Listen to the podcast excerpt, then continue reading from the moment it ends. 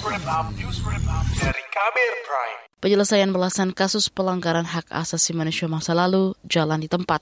Selama 17 tahun, korban maupun keluarga korban pelanggaran HAM berat masa lalu tak lelah menuntut keadilan dari pemerintah lewat aksi kamisan, aksi diam di seberang Istana Merdeka, Jakarta.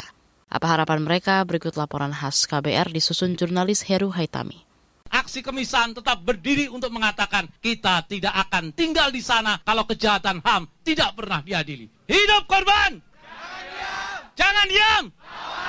Ratusan orang berkumpul di sekitar Monas dekat Istana Merdeka Jakarta. Sebagian besar berpakaian hitam-hitam dan membawa payung hitam. Mereka mengikuti aksi kamisan menuntut negara menyelesaikan kasus-kasus pelanggaran HAM berat masa lalu. Ini merupakan aksi Kamisan ke-802 dan kini sudah genap berusia 17 tahun sejak aksi Kamisan pertama digelar Kamis 18 Januari 2007.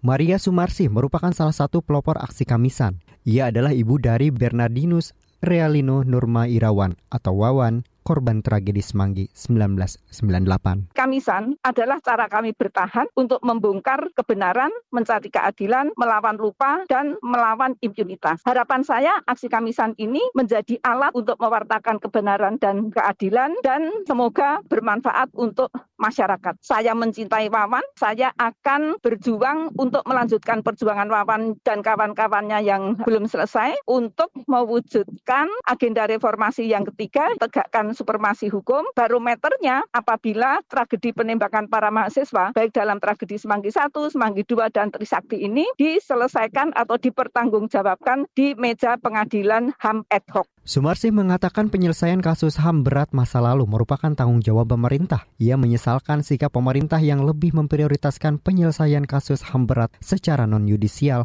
atau di luar jalur hukum.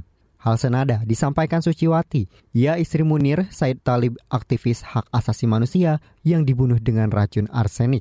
Suciwati menilai pemerintah belum memiliki komitmen bertanggung jawab menuntaskan kasus HAM berat masa lalu pemerintah justru membiarkan para pelaku kejahatan HAM berat masa lalu itu bebas tanpa hukuman. Kita bisa melihat ada pengakuan, ada orang, iya loh saya dulu menculik, tapi kemudian apakah bertanggung jawab? Apakah pernah dibawa ke pengadilan? Nggak ada. Semuanya seolah-olah menormalisasi. Oh iya, nggak apa-apa. Itu kan kejahatan masa lalu. Terus dibawa ke pengadilan bahwa kamu dinyatakan tidak bersalah. Bahkan itu kemudian kita tahu bahwa oh iya masa lalumu e, pernah kelam tapi kemudian sudah dibuktikan oleh pengadilan bahwa kamu tidak bersalah. Apakah pernah itu ada di Indonesia? Tidak ada. Rasa geram juga dilontarkan Payan Siahaan, orang tua dari Ucok Munandar Siahaan, korban penghilangan paksa dan penculikan aktivis pada 98. Meskipun telah kami berjuang selama hampir 25 tahun tetapi sampai saat ini hasilnya belum ada titik terang atas keberadaan daripada anak kami itu dan kasus itu sampai sekarang masih ngambang gitu dan belum ada penyelesaian. Dilihat daripada perjalanan ini kemudian kami mengatakan bahwa saya sangat setuju bahwa demokrasi kita saat ini sangat mundur karena presiden telah berulang kali berganti tetapi kasus ini tidak ujungnya diselesaikan. Komisi Nasional Hak Asasi Manusia Komnas HAM